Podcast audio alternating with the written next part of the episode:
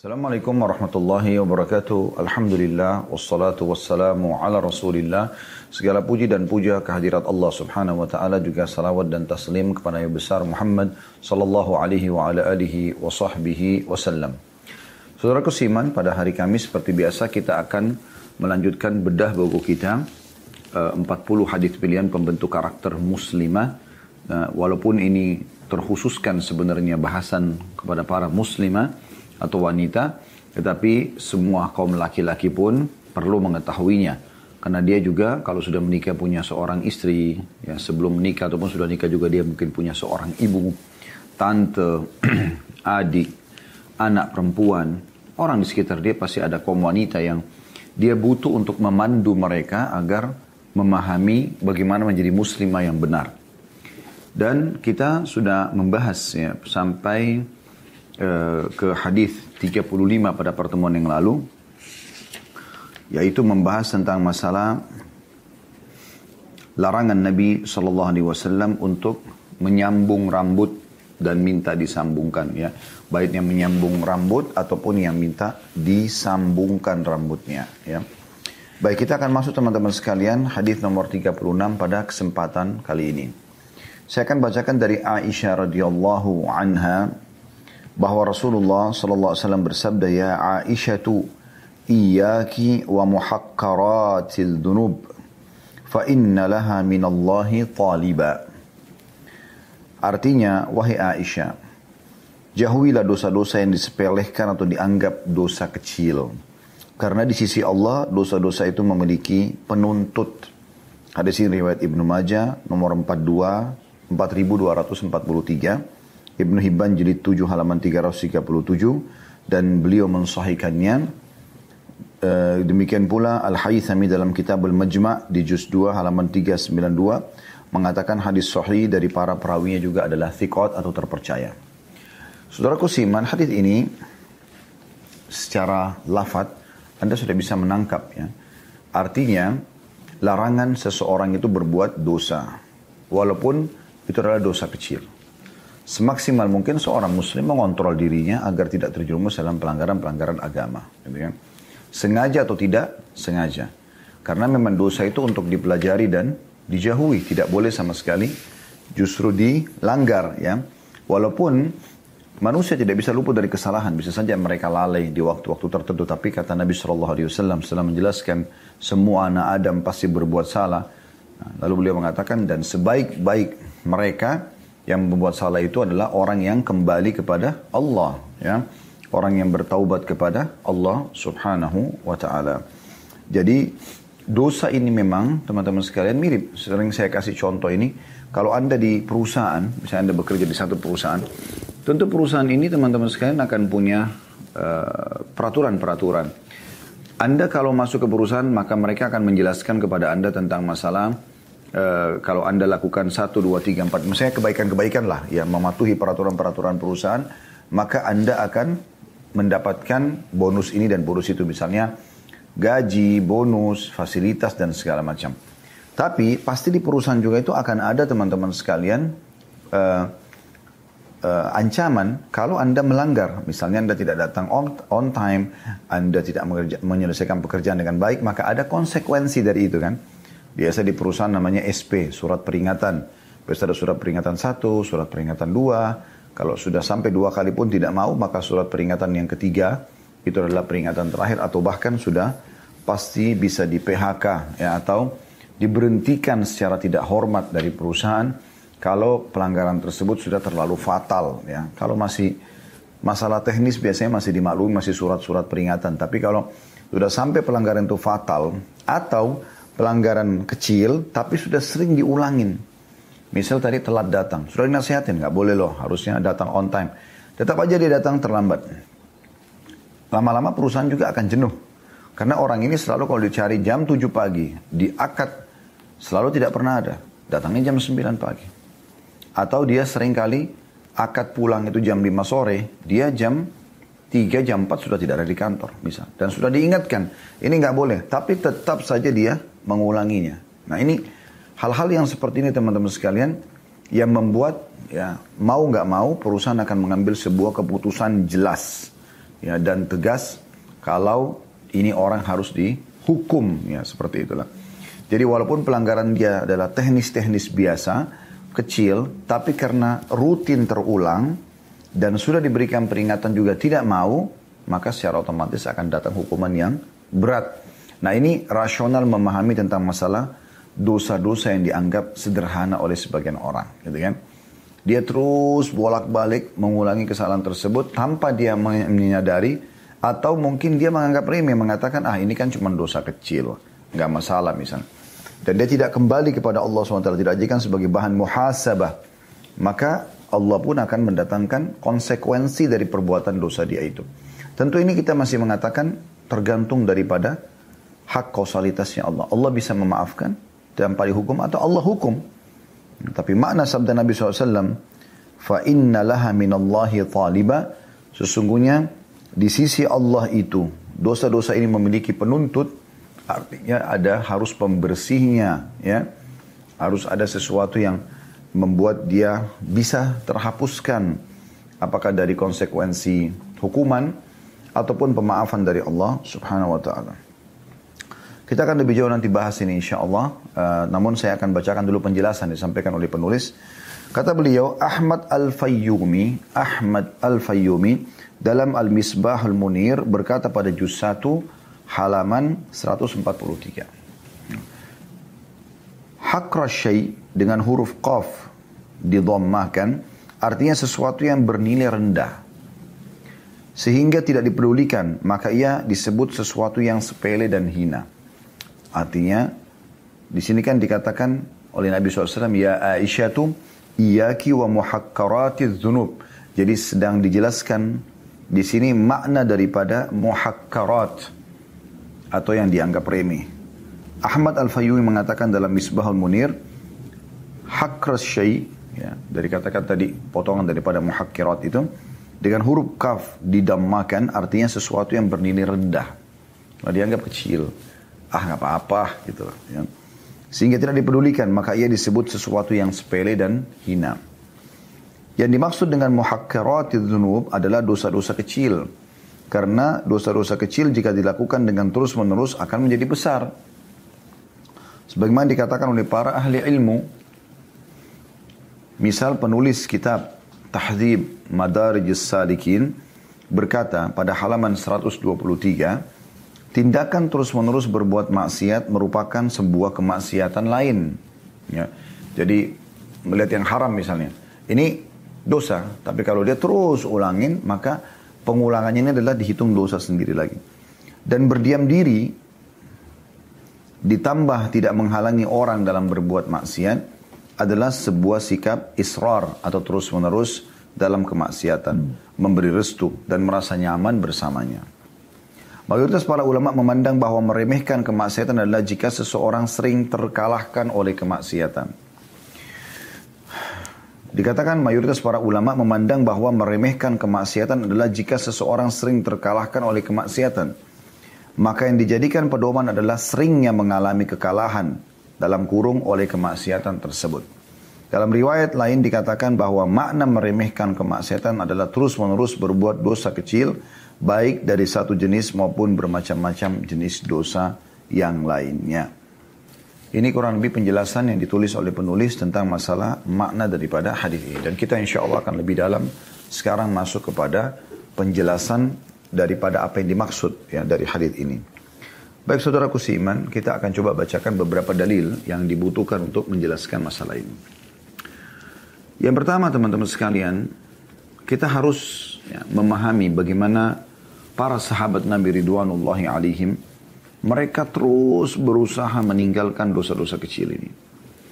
Dan nanti dosa-dosa kecil yang ditinggalkan ini akan membawa orang meninggalkan dosa besar. Itu secara otomatis gitu. Ya. Tapi kalau seseorang terus melakukan dosa kecil itu akan membuat dia membuka pintu dosa besar ya. Seperti itu kurang lebih uh, alurnya ya. Sehingga kita lihat orang yang terus menjaga agar dirinya jangan sampai terjerumus dalam dosa kecil walaupun satu itu sudah cukup membuat teman-teman sekalian dia jauh sekali dari dosa besar. Mirip dengan kalau ibadah. Kalau anda sibuk dengan ibadah-ibadah sunnah, dalam arti kata, anda selalu sholat duha, sholat malam, anda jaga sholat qabliyah, sholat ba'diyah, otomatis ini akan membuat sholat wajibnya terjaga. Karena Anda sudah tidak mungkin menjaga semua itu kecuali memang Anda menjaga yang sunnahnya. Ya, seperti itu. Kita dengarkan hadis ya dalam Sahih Bukhari dijelaskan bahwasanya Anas bin Malik radhiyallahu anhu berkata, "Qala innakum lata'lamuna a'malan hiya adaqqu fi a'yunikum min asy-sya'ri." Kunna na'udduha ala ahdi Nabi sallallahu alaihi wasallam min al-mubiqat.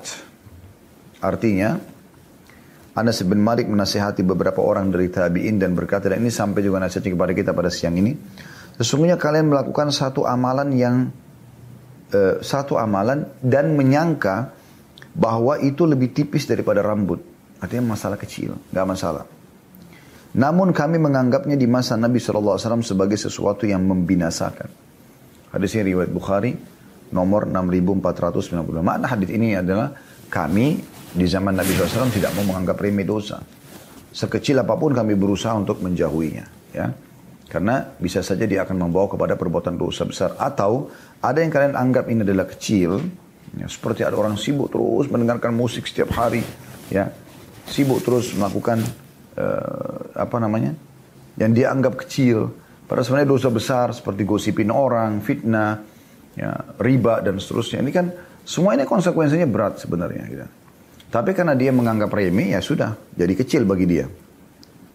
Ibnu Battal memberikan sebuah statement, Al-muhakkiratu idha kathurat sarat kibaran ma'al israr. Sesuatu dosa yang dianggap remeh bisa menjadi dosa besar. Ditambah lagi jika terus menerus melakukan dosa itu. Jadi ada orang begini. Dia buat dosa nih misalnya. Antara dia sama Tuhannya. Dia tutupi. Ini masih jauh lebih ringan tentunya. Artinya dia sama Tuhannya. Dia berusaha untuk mohon kepada Allah agar dilindungi. Mohon kepada Allah agar uh, dimudahkan meninggalkan. Dia beristighfar kepada Allah. Ini sudah menuju kepada jalur yang benar. Tapi ada orang tidak. Dia berbuat dosa nih. Dianggap remeh. Dianggap orang, diajak orang lain teman-temannya berbuat dosa yang sama. Gitu kan? Berbuat dosa yang sama. Terus saja dia mengajak mereka mengiklankan di medsosnya terus mengajak orang makin banyak orang untuk melakukan dosa-dosa tersebut bahkan dia bangga dengan perbuatan tersebut. Bahkan menganggap remeh masalah neraka nggak masalah masalah siksa kubur nggak masalah. Dia terang-terangan. Nah dosa-dosa kecil yang tadinya hanya kecil bisa jadi besar karena tadi isrornya. Artinya dia justru terang-terangan justru pamer ya.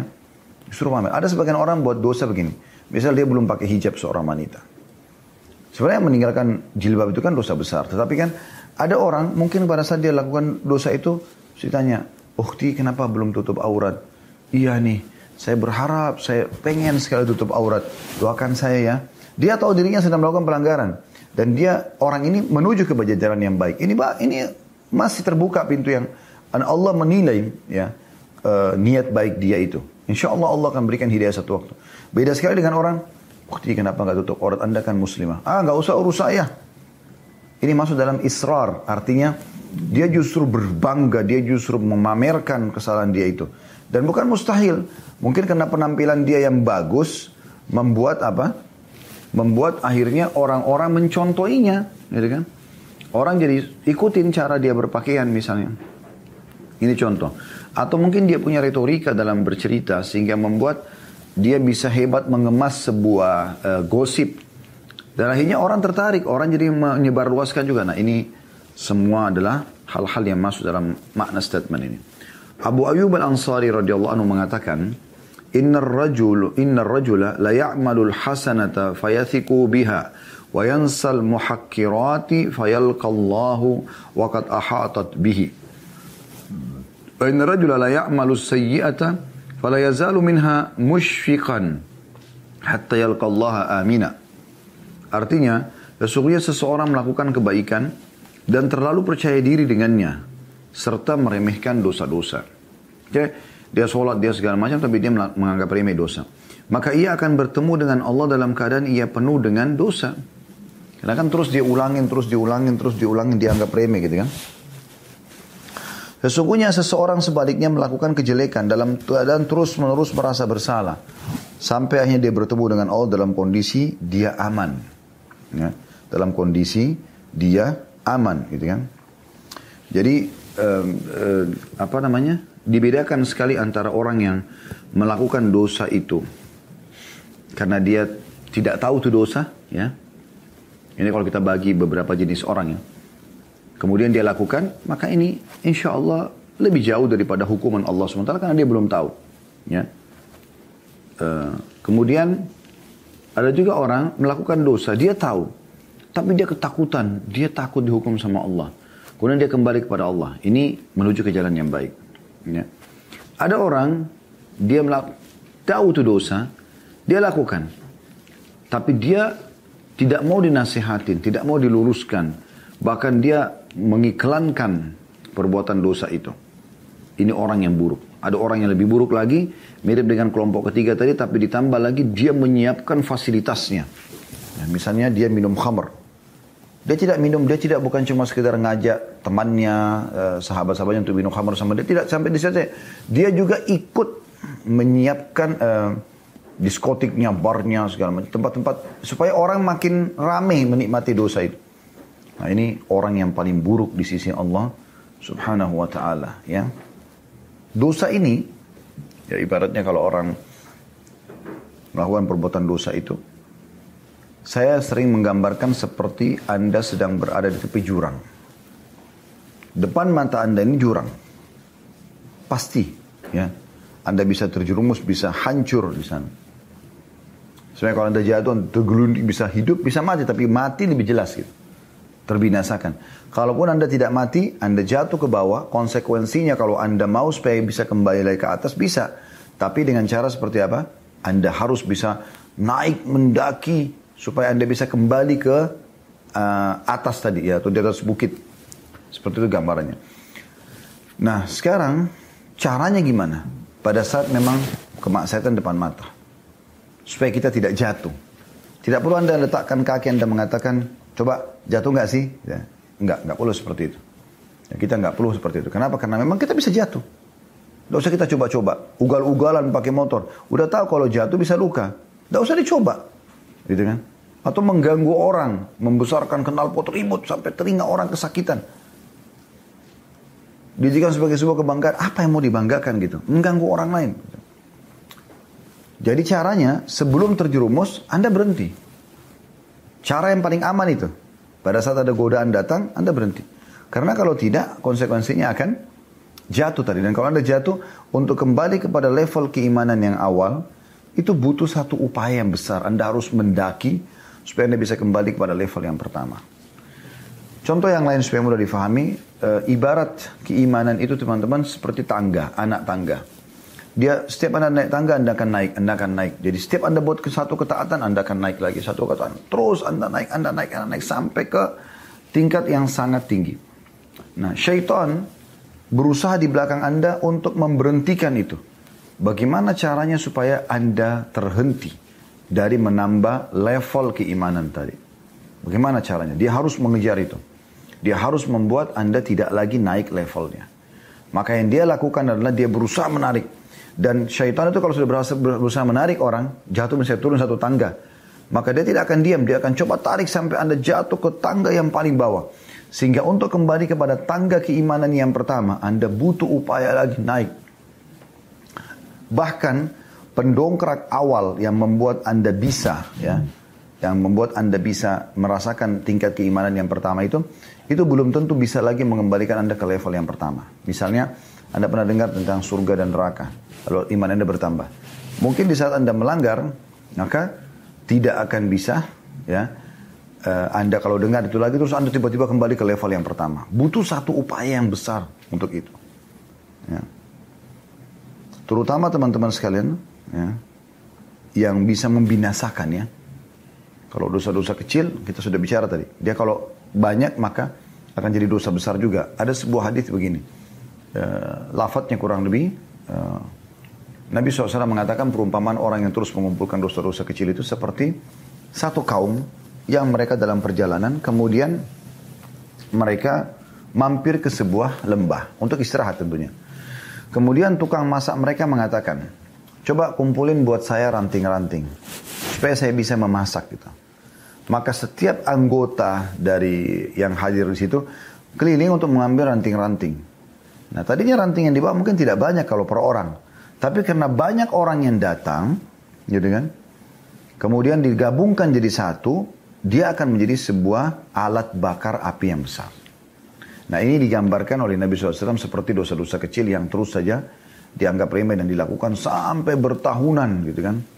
Dia melakukannya. Tentu sekali lagi manusia tidak luput dari dosa-dosa teman-teman sekalian. Tetapi perlu kita fahamin tentang masalah uh, kalau kita biarkan, kita tidak memberhentikannya di satu waktu atau di satu tempat ya. Kemudian kita beralih kepada apa yang dibolehkan, maka secara otomatis akan mengganggu seperti itu. Bahkan sering kali muncul teman-teman sekalian kegelisahan dalam jiwa. Nah ini karena efek daripada dosa itu. Ya. Kita dengarkan bagaimana Hasan bin Ali radhiyallahu anhu mengatakan atau meriwayatkan sebuah riwayat dari kakeknya dari Nabi saw. Beliau bersabda kepada cucunya ini, "Da' ma yaribuka ila mala yaribuka. Fa inna sidqa tuma'nina wa innal kadiba riba artinya tinggalkan yang meragukanmu dan beralihlah pada apa yang tidak meragukanmu. Sesungguhnya kejujuran lebih menenangkan jiwa. Sedangkan dusta atau menipu akan menggelisahkan jiwa. Jadi anda lihat akhir daripada lafaz hadis ini ya Bagaimana Nabi SAW mengingatkan sebuah kaidah penting dalam hidup kita ini. Apa pun yang meragukan, udah tidak usah dilakukan. Kita ragu nih, hukumnya boleh nggak sih? Udah tinggalkan aja. Aman gitu. Itu lebih baik. Uh, sementara diberikan contoh oleh Nabi SAW dan ketahuilah jujur dalam permasalahan itu adalah ketenangan jiwa. Walaupun berat, tapi itu tenang. Karena itu bagian daripada ibadah. Allah SWT membolehkan, bahkan memerintahkan orang untuk jujur gitu kan. Kemudian dusta, nah ini kemaksiatannya adalah kegelisahan jiwa. Jadi orang kalau buat dosa teman-teman, minum khamar, berdusta, menipu orang, atau apa yang dia lakukan, umumnya itu akan membawa kepada kegelisahan jiwa. Itu yang dimaksudkan dengan riwayat di dalam dapat lain dikatakan fa innal khaira tuma'nina wa inna syarra riba. Ketahuilah bahwasanya semua kebaikan yang dilakukan dari ketaatan-ketaatan adalah ketenangan jiwa. Sedangkan kejelekan selalu mendatangkan kegelisahan. Yang lihat misalnya ada orang pernah menipu uang satu juta, satu juta rupiah misalnya. Dia kalau tidak bertobat kepada Allah SWT, tidak berusaha mengembalikan hak orang yang telah diambil itu, maka pastikan teman-teman sekarang, dia akan selalu gelisah setiap kali mendengarkan orang mengucapkan angka satu juta. Pasti dia akan tergak. Karena dia selalu terngiang-ngiang gitu. Yang Allah menyebutkan dalam surah Al-Munafikun tentang orang-orang munafik, yahsabuna kulla sayhatin alim. Ya. Mereka mengira bahwasanya semua teriakan itu terarah kepada mereka. Padahal sebenarnya bukan mereka yang dimaksudkan, tapi karena mereka berbuat sana. Orang subhanallah berbuat dosa ini, ke sana sini. Dia kalau jalan, dia kalau ke mana-mana, dia tidak tenang jiwanya. Karena dia merasa seperti ada sesuatu yang jadi beban. Gitu. Tapi orang subhanallah, saya bolak-balik masuk masjid ya di dekat kantor. Sampai hari ini Alhamdulillah semoga Allah mudahkan ya dan mengikhlaskan niat. Saya melihat ada orang-orang yang kerjanya azan ke masjid, ke masjid. Mereka hidupnya susah. Secara ekonomi, subhanallah, untuk dapat makan hari itu aja mereka sulit gitu. Ya. Kadang-kadang saya duduk, tanya pekerjaannya apa, ngobrol. Mereka susah sekali gitu. Artinya, kalau dapat nasi makan hari itu saja dengan lauknya, dia dan keluarganya sudah satu kenikmatan yang luar biasa. Besok-besok dipikirin lagi. Tapi kita temukan wajah-wajah mereka penuh dengan ketenangan jiwa. Ya. Ucapan-ucapan mereka penuh dengan percaya diri. Dan yang uniknya subhanallah, saya temukan dalam kondisi begitu pun mereka selalu mengatakan, kalau saya tanya bagaimana kabarnya, hari ini ada makanan. Alhamdulillah. Ini mungkin belum tentu bisa keluar dari lisan orang-orang yang kufur kepada Allah SWT atau orang-orang yang bermaksiat kepada Allah SWT. Mereka justru merasa semuanya serba kurang. Ini termasuk ketentraman jiwa subhanallah. Ada orang mungkin kaya raya, tapi dan dia punya makanan banyak sekali segala macam makanan ada, tapi dia nggak bisa nikmati. Saya pernah duduk dengan salah satu uh, uh, pangeran ya uh, di Saudi. Itu kebetulan kami di Mekah, masya Allah dia terkenal orangnya soleh, ya. Dan dia menerima orang yang mau datang. Kebetulan saya subhanallah nginap di hotel yang beliau ada dan beliau tidak mau masuk ke istana kerajaan gitu. Nah, pada saat saya lagi masuk situ saya dengan ayah saya rahimahullah dengan kedua adik saya laki-laki. Kami masuk kemudian saya pamit ingin bertemu uh, dengan salah satu stafnya dan diizinkan silakan. Kami pun diundang makan terus dia tanya kabar segala macam, tanya tentang Indonesia. Saya jelaskan semua. Kemudian uh, sempat dihidangkan makan, tapi subhanallah semua orang makan, beliau makan tidak berbeda. Cuma satu mangkuk, isinya cuma sayuran saja. Jadi ada terapi pengobatan gitu ya. Tentu saya tidak bicara tentang beliaunya. Beliau Masya Allah dikenal, yang saya tangkap adalah orang yang baik. Tapi ada orang begitu, mungkin semua orang bisa menikmati makanan, tapi dia tidak bisa. Ya. Bukan karena dia mau merendah atau dia, memang ada masalah, dia nggak bisa gitu. Ini orang dalam kondisi baik aja bisa begini, apalagi kalau orang dalam kondisi tidak baik. Orang yang bermaksiat kepada Allah SWT, sulit sekali gitu kan. Kemudian dalam hadis yang lain, Nabi dari Nawas bin Sam'an radhiyallahu anhu bahwasanya Nabi SAW bersabda, "Al-birru husnul khuluqi wal ithmu ma haka fi nafsika wa karihta an yattali alaihi nas." Artinya kebaikan itu adalah dengan berakhlak yang mulia. Ya, dengan santun, dengan ramah, dengan sopan dan seterusnya. Sedangkan kejelekan atau dosa adalah sesuatu yang menggelisahkan jiwa. Ketika kejelekan tersebut dilakukan, tentu engkau tidak suka hal itu nampak di tengah-tengah manusia. Artinya dosa itu sesuatu yang tidak ingin orang lain tahu. Ya. Walaupun kita melakukannya ya dalam kondisi ya, kita sembunyikan, tapi juga sama orang kita tidak ingin orang lain mengetahuinya. Maka ini adalah konsekuensi penjelasan masalah dosa. An-Nawawi rahimahullah mengatakan, Dosa selalu menggelisahkan dan tidak menenangkan bagi jiwa. Di hati pun akan tampak tidak tenang dan selalu khawatir akan dosa. Ini efek-efeknya maksudnya, efek daripada itu. Sampai-sampai jika seorang dalam keadaan bingung, Nabi SAW memerintahkan menanyakan pada hatinya dalam hadis ini. Apakah perbuatan tersebut termasuk dosa atau tidak? Ini terjadi tak kalah hati dalam keadaan gundah gelana dan belum menemukan bagaimana hukum suatu masalah. Mengingat, mengingatkan nasihatnya kepada Wabisa radhiyallahu anhu. Ya. Ibnu Rajab berkata rahimahullah, hadis Wabis Wabisa radhiyallahu anhu ini dan yang semakna dengannya menunjukkan agar kita selalu merujuk pada hati ketika ada sesuatu yang merasa ragu. Jika jiwa hati, jika jiwa dan hati itu tenang, maka itu adalah satu kebaikan dan halal. Namun jika jiwa dalam keadaan gelisah, maka itu berarti termasuk suatu dosa dan keharaman. Ingatlah bahwasanya hadis wabisa dimaksudkan untuk perbuatan yang belum jelas halal atau haramnya. Termasuk dosa ataukah bukan. Sedangkan jika suatu sudah jelas halal dan haramnya maka tidak perlu lagi merujuk pada hati. Jadi maksudnya ini kalau ada keraguan saja. Kalau sudah jelas haram berarti dia haram. Ya. Saudaraku seiman, Eh, kalau seandainya ada orang yang berbuat dosa tapi dia tenang dengan dosa itu, dia anggap itu tidak ada masalah, ya uh, sudah diingatkan dia tidak mau peduli, tetap aja. Lalu kemudian kita lihat orang ini tetap saja melimpah dalam kenikmatan. Ada apa sebenarnya? Kok bisa gitu? Maka ini cukup banyak jawabannya. Di antaranya teman-teman sekalian adalah makna tafsir surah Al-Mutaffifin ayat 14 yang bunyinya a'udzubillahi minasyaitonir rajim kalla barrana ala qulubi ma kanu yaksibun sekali-kali tidak demikian sebenarnya apa yang selalu mereka usahakan itu menutupi hati mereka makna menutupi hati mereka di sini adalah yang dimaksud kata Ibnu Qayyim rahimahullah jika hati sudah semakin gelap maka sulit untuk mengenal, mengenal petunjuk kebenaran. Jadi nggak lagi tersentuh untuk bisa mengingat akhirat, untuk beribadah, ya untuk melakukan kebaikan-kebaikan. Jadi sudah tidak lagi kesentuh ke situ, ya. Jadi menutupinya.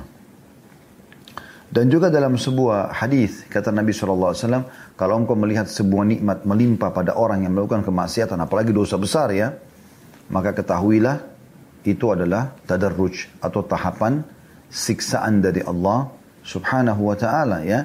Jadi seperti kasus banyak kaum-kaum sebelum kita, kaum Ma'ad, kaumnya Nabi Hud, kaum Thamud, kaumnya Nabi Saleh, kaumnya Nabi Shu'aib, kaumnya Nabi Nuh, ya, kaum-kaum Nabi-Nabi semuanya. Itu umumnya mereka pada saat uh, dekat hari-hari mereka akan disiksa, justru Allah limpahkan kenikmatan pada mereka. Badan mereka makin sehat, mereka makin gembira, tertawa-tawa, mereka panen yang uh, bagus ya. Uh, gembalaan mereka makin sehat gitu kan sampai mereka tuh makin lalai karena Allah memang sudah akan menghukum mereka ya. Jadi hati-hati saja. Kalau anda berbuat dosa tapi sementara hati anda gelisah, hati anda tahu ini adalah kesalahan, anda coba kembali kepada Allah, itu adalah hal yang baik. Itu umum terjadi karena kita tidak mungkin lepas dari dosa gitu kan. Tetapi kalau Anda menganggapnya adalah sesuatu yang tidak masalah, ya, bahkan menantang, tidak mungkin Allah menghukum saya. Apa sih dan seterusnya maka ini akan mendatangkan konsekuensi dosa ya yang berbahaya sekali.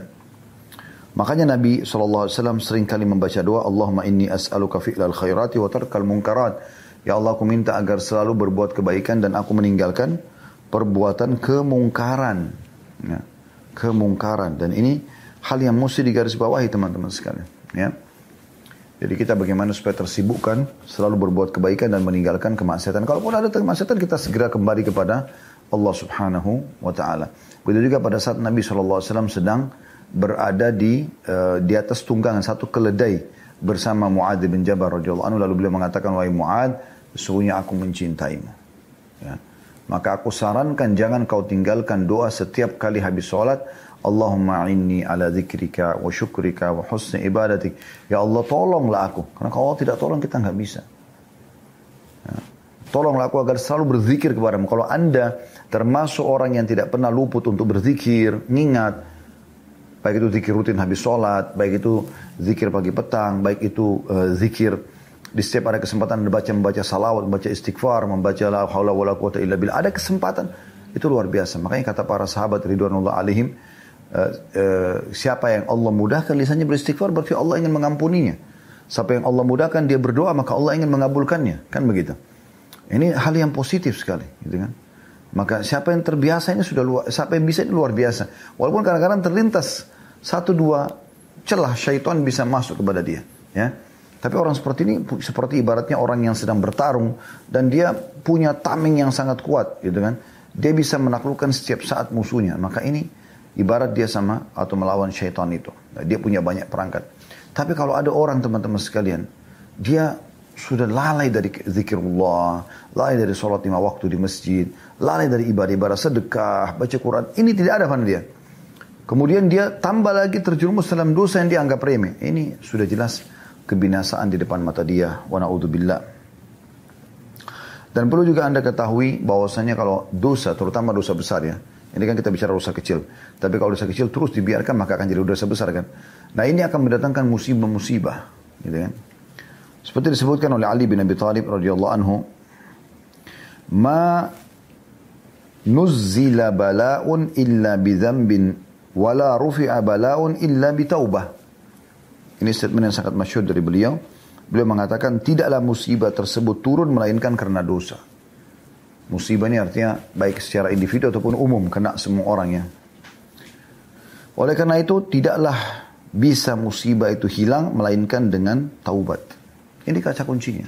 Ini pernah kita jelaskan ya di materi khusus tentang masalah taubat di beberapa pertemuan kita yang lalu ya. Insya Allah mudah-mudahan Anda bisa temukan di playlistnya YouTube insya Allah ada ya. Dan Allah subhanahu wa ta'ala memastikan dalam surah Ash-Shura ayat 30 A'udzu billahi minasyaitonir rajim wa ma asabakum min musibatin fabima kasabat aydikum. Apa pun musibah yang menimpa kalian sehingga merata dan Anda atau kalian tidak sukai, itu semua dari hasil tangan kalian. Kan tidak mungkin orang patuh di perusahaan baik kemudian dia dibenci tanpa sebab. Tidak mungkin. Orang prestasi di perusahaan banyak yang dia datangkan gitu kan. Tapi kalau orang malas, orang banyak buat pelanggaran, maka ini dikeluarkan. Ibnu Qayyim rahimahullah mengatakan, di antara akibat dari berbuat dosa adalah menghilangkan nikmat ya, nikmat ibadah, nikmat kehusuan dalam sholat, nikmat berzikir, nikmat baca Quran, nikmat berdoa, nikmat ibadah ini hilang. Lebih jauh daripada itu, akibat dosa akan mendatangkan bencana. Jadi awalnya hilang dulu kenikmatan, dan lama-lama datang bencana. Oleh karena itu hilangnya suatu nikmat dari seseorang hamba adalah karena dosa. Begitu pula datangnya berbagai musibah disebabkan juga karena dosa. Ini diambil dari buku Al-Jawabul Kafi halaman 87 ya. Ibnu Rajab berkata rahimahullah Al-Hambali Tidaklah disandarkan suatu kejelekan atau kerusakan melainkan pada dosa karena semua musibah itu disebabkan karena dosa. Jadi semua kejelekan disebabkan karena dosa. Seperti itu kurang lebih gambarannya ya. Jadi ini poin-poin yang perlu digarisbawahi tentang masalah bagaimana seseorang itu sebenarnya kalau patuh kepada Allah, Allah akan limpahkan kenikmatan pada dia, kenikmatan ibadah, kenikmatan uh, rezeki dan segala macam. Dan tidak ada seseorang yang melakukan maksiat kecuali akan ditahan kenikmatan ibadah itu lalu kemudian musibah juga akan datang kepada dia. Allahu a'lam. Nah, ini kurang lebih gambarannya dan kita tutup dengan firman Allah Subhanahu wa taala yang bisa jadi pegangan untuk kita semua tentunya yaitu dalam surah Ar-Ra'd ayat 11 A'udzu billahi minasyaitonir rajim. Innallaha la yughayyiru ma biqaumin hatta yughayyiru ma bi anfusihim. Sesungguhnya Allah tidak akan mungkin mengubah nasib satu kaum sampai mereka mengubah nasib mereka sendiri. Artinya, Anda mau jadi orang baik, Anda mau jadi dekat kepada Allah, maka Anda tinggal memperbaiki diri Anda. Menjadi orang yang baik saja, selesai. Anda tobat nasuha dari dosa-dosa, dari kekufuran, dari kemaksiatan, lalu anda kembali kepada Allah, anda nikmati yang halal, kerjakan perintah, meninggalkan yang larang, yang dilarang, maka anda akan hidup tentram dengan izin Allah SWT sebesar apa pun kesalahan yang sudah pernah anda lakukan. Allahu a'lam.